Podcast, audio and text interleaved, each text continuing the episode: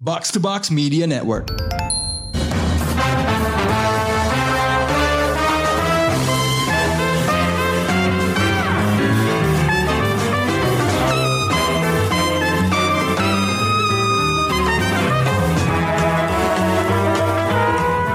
teman-teman pendengar Showbox, kita ketemu lagi di episode terbaru Showbox Podcast bareng gua Krisna.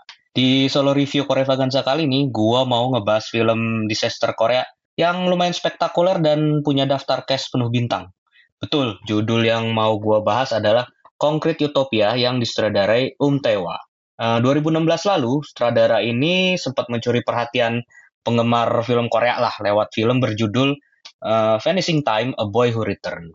Film yang dibintangi Gang Dong-won ini bercerita tentang bocah 13 tahun yang hilang di gunung, tapi sehari kemudian tiba-tiba muncul lagi dalam sosok orang dewasa. Tapi nggak tahu kenapa, sejak 2016 itu dia nggak pernah bikin film apa-apa lagi. Baru akhirnya nih sekarang comeback lewat Concrete Utopia. Cerita Concrete Utopia sendiri diangkat dari webcomic berjudul Yuk Wehan Yiwut karya Kim Sung Yung. Eh, webcomic ini merupakan bagian kedua dari Yuk Wehan Wangda yang dipublikasi dari 21 Januari 2015 sampai eh, 10 Februari 2016. Sementara dari sisi cast-nya, nah ini nih yang bikin gue langsung nandain Concrete Utopia waktu pertama kali baca info tentang filmnya. Yes, di film ini ada deretan aktor-aktor kelas A Korea kayak Lee Byung Hun, terus ada Park Soo Joon, terus ada Park Bo Young, ada Park Ji Hoo, Terus dan salah satu ibu-ibu favorit kita di drakor yaitu Kim Sun Young. Selain itu, satu hal lagi yang bikin gua makin tertarik buat nonton Concrete Utopia ini adalah waktu gua denger kalau film ini dipilih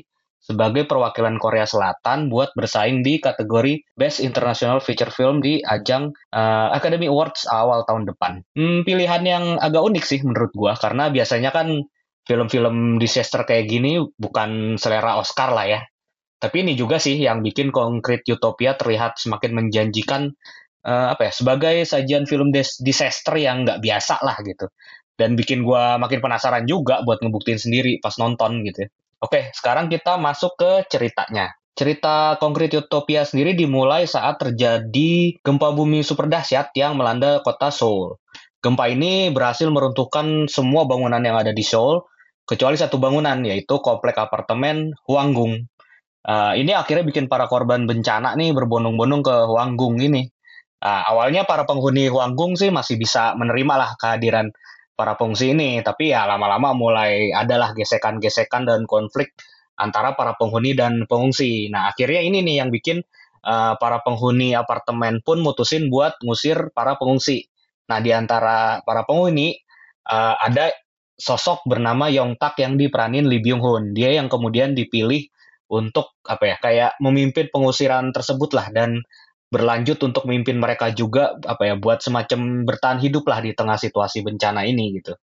Uh, Yong Tak dipilih setelah sebelumnya tuh kayak para penghuni sempat ngelihat dia berjuang sendirian mati-matian uh, memadamkan kebakaran di salah satu unit apartemen. Jadi dianggap inilah dia punya kemampuan dan punya leadership gitu. Nah, di antara para penghuni salah satu yang paling sering ngebantu Yongtak dalam mimpin komplek apartemen ini adalah si Minsung yang diperanin sama Park Soo Joon. Nah, si Minsung sendiri tinggal di komplek apartemen ini bersama istrinya Myung Hwa yang diperanin sama Park Bo Young yang juga seorang perawat. Tapi beda sama mayoritas penghuni Huanggung lainnya, si Myung Hwa ini termasuk yang nggak setuju sama pengusiran para pengungsi. Ya, ini yang akhirnya jadi film ini lebih menarik lah Ya well, setelah selesai nonton film ini, akhirnya gue ngerti banget sih kenapa Concrete Utopia yang dipilih Korea Selatan buat bersaing di Academy Awards tahun depan ya. Pilih, film ini jelas bukan film disaster biasa sih emang. Dibanding apa ya, kayak film disaster biasa kan lebih fokus sama aksi kejar-kejaran atau kabur dari bencananya atau nampilin semacam apa ya, survivor mode lah di tengah kondisi yang ekstrim gitu.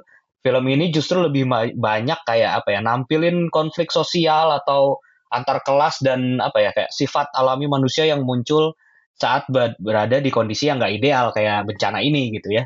Film ini nih justru apa ya kalau buat gue sih terasa lebih kelam tuh bukan karena penggambaran sisi kehancurannya yang parah banget, yang hancur banget, tapi lebih ke gimana eksplorasi terhadap sifat alami manusia kayak keegoisan dan kerakusan. Nah, itu yang justru bisa lebih mematikan dari bencananya itu sendiri. Nah, itu menariknya menurut gua. Ya misalnya aja kayak di adegan pengusirannya lah. Kelihatan gimana orang-orang yang sebelum adanya bencana ini nih kayak orang-orang biasa aja gitu. Tapi tiba-tiba bisa berubah menjadi apa ya, kejam banget gitu dan nggak punya empati sama sekali bahkan ke para pengungsi anak-anak dan orang tua gitu. Ditambah lagi kerennya lagi eksekusi adegan apa ya, kayak kerusuhan lah, kerusuhan saat pengusirannya itu juga brilian sih menurut gua. Ya kayak lagi-lagi kelihatan kalau mereka semua nih sebenarnya orang biasa gitu. Tapi tiba-tiba bisa sama brutalnya kayak kayak, kayak gangster gitu bahkan. Ini ampuh sih bikin atmosfer apa ya atmosfer filmnya tuh jadi terasa lebih suram lah gitu. Begitu juga waktu apa ya para penghuni Huanggung nih sempet-sempetnya bikin pesta lah gitu. Saat orang-orang di luar komplek apartemen nih apa ya makin banyak yang mati kelaparan, mati kedinginan gitu ya. Ini lumayan bikin apa ya perasaan gue campur campur aduk sih waktu ngelihatnya lumayan eh, nggak e, nyaman lah gitu ngelihatnya. Apalagi di separuh awal film ini bisa dibilang cukup banyak juga adegan komedi yang coba diselipin gitu ya. Cukup lucu, tapi rasanya aneh juga buat ngetawainnya karena situasi dan atmosfernya nih justru lagi bergerak untuk bikin kita nggak nyaman. Jadi apa ya semacam kontradiksi yang menurut gue sih bikin konkret utopia ini jadi terasa lebih istimewa lagi justru. Ya memang apa yang ditampilin di film ini bukan sesuatu yang baru banget lah. Nggak lah menurut gue sih. Ya sejujurnya gue juga bisa ngerasain vibe-vibe yang agak mirip sama para parasite-nya Bong Joon-ho lah. Kayak apa ya, kayak maksud gue tuh kayak ketika isu konflik antar kelas atau konflik sosial yang serius kayak gini tuh tapi ditampilinnya secara stylish gitu ya. Ya tapi akhirnya justru bikin filmnya terasa lebih menyeksakan sih menurut gua. Ya film-film bencana atau atau kayak post apokaliptik lah gitu. Itu kan juga udah ada udah ada lah udah banyak yang nampilin lahirnya apa ya kayak semacam tatanan hidup baru di dalam sekelompok manusia yang bertahan dan akhirnya situasi ini nih cuman nguntungin pihak-pihak yang berkuasa kan itu itu juga ada di film ini gitu. Tapi ya istimewanya sih menurut gua film ini bisa tetap apa ya karena si sutradara si Um Tewa nih bisa tetap fokus pada karakter-karakternya dan sifat-sifatnya sebagai penyebab utamanya gitu. Di sini kita juga bisa ngeliat gimana uh, tatanan tersebut dimulai dari nol gitu dimulai dari komunitas terkecil dulu lah yaitu para penghuni apartemen ini gitu ya apartemen Huanggung gitu. Ya menurut gua hal ini juga semua yang gua sebut tadi tuh bisa berhasil juga berkat acting hebat dari ya jajaran kas cash mewah film ini lah mereka semua nih bisa semacam apa ya kayak bersatu padu jadi mesin penggerak utama dari konkret utopia ini sendiri gitu ya kita mulailah dari misalnya si Lee Byung Hun sebagai pemeran Yong Tak ya tokoh paling sentral di film ini gitu. Awal terpilihnya dia sebagai pemimpin penghuni apartemen mungkin terkesan kocak lah ya. Tapi sejak awal kita bisa ngerasain juga nih aura misterius dari si Yong Tak ya ini semua berkat ini juga sih kelihayan uh, Byung Hun dalam mainin ekspresinya yang lumayan subtle sih menurut gua. Terus semak kayak semakin jauh kita ngelihat tindak tanduk si Yong Tak ini semakin kita dibikin gak nyaman juga sama kehadirannya gitu. Puncak kegemilangan si Byung Hun sendiri sih di film ini menurut gua adalah waktu dia nunjukin ketika si Yong Tak nih sadar bahwa ternyata dia sangat menikmati kekuasaan kekuasaan yang dimilikinya di apartemen ini gitu ya. Dia tanpa perlu over dramatis, tapi ekspresi yang ditampilin si Byung Hun nih menurut gua kayak bisa berteriak lantang lah tentang hal tersebut ke kita sebagai penonton gitu. Terus beralih ke Park Joon. Dia juga menurut gue sih tampil nggak kalah menonjol lah dari si Byung Hun ya. Perasaan karakter si Min Sung tuh kan yang selalu kayak terlihat dilematis atau mixed feelings dengan segala hal yang dilakukannya bersama Yong Tak tuh bisa kita tangkap banget dengan jelas gitu lewat ekspresi yang ditampilin juga sama si Jun gitu. Emosi dan perasaannya yang kayak terdesak di antara sikap realistis untuk bertahan hidup tapi juga dia tahu dia mengecewakan istrinya yang sebenarnya menolak apa ya pengusiran pengungsi ini akhirnya tuh bikin film ini juga punya lapisan emosi yang lebih kaya lah menurut gua sih. Terus ada juga kayak kehadiran sosok si Gem E yang diperanin Kim Sun Young. Kim Sun Young tuh juga cukup mencuri perhatian gua sih. Ya karakter provokator yang nyebelin kayak dia emang hampir selalu ada lah di film-film disaster gitu ya tapi nggak tahu kenapa si Sun Yong nih menurut gue sih bisa ngebawainnya tuh jadi apa ya kayak pas banget kayak fit banget ke tone film ini secara keseluruhan gitu ya terus sementara untuk uh, Park Bo Young sendiri ya sebelumnya gue lebih terbiasa ngelihat dia di film-film drama, komedi atau romcom lah ya.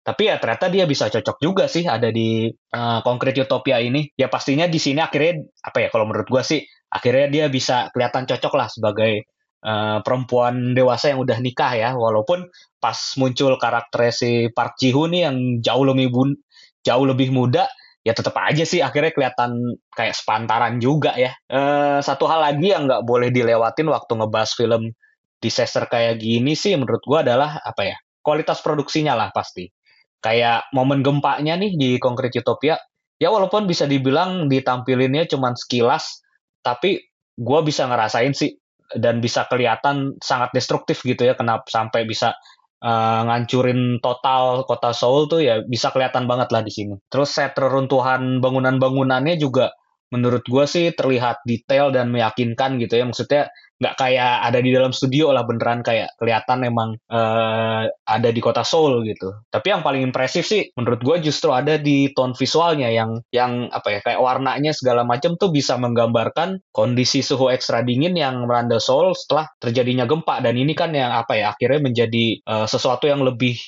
mengancam para korban dibanding gempanya sendiri gitu. Oke, segitu aja pembahasan gua tentang Concrete Utopia. Uh, dengan yakin gue bakal kasih film ini rating 4 dari 5 bintang. Ya sayangnya film ini emang udah turun sih dari bioskop-bioskop di Indonesia. Tapi gue yakin gak lama lagi film ini bakal tersedia lah di OTT. Ya emang belum tahu sih bakal ada di OTT yang mana. Tapi kalau udah muncul dan kemarin-kemarin kamu termasuk yang nggak sempet nonton di bioskop, uh, menurut gue sih harus disegerakan lah nanti ketika udah muncul di OTT. Oke, terima kasih buat temen-temen yang udah dengerin.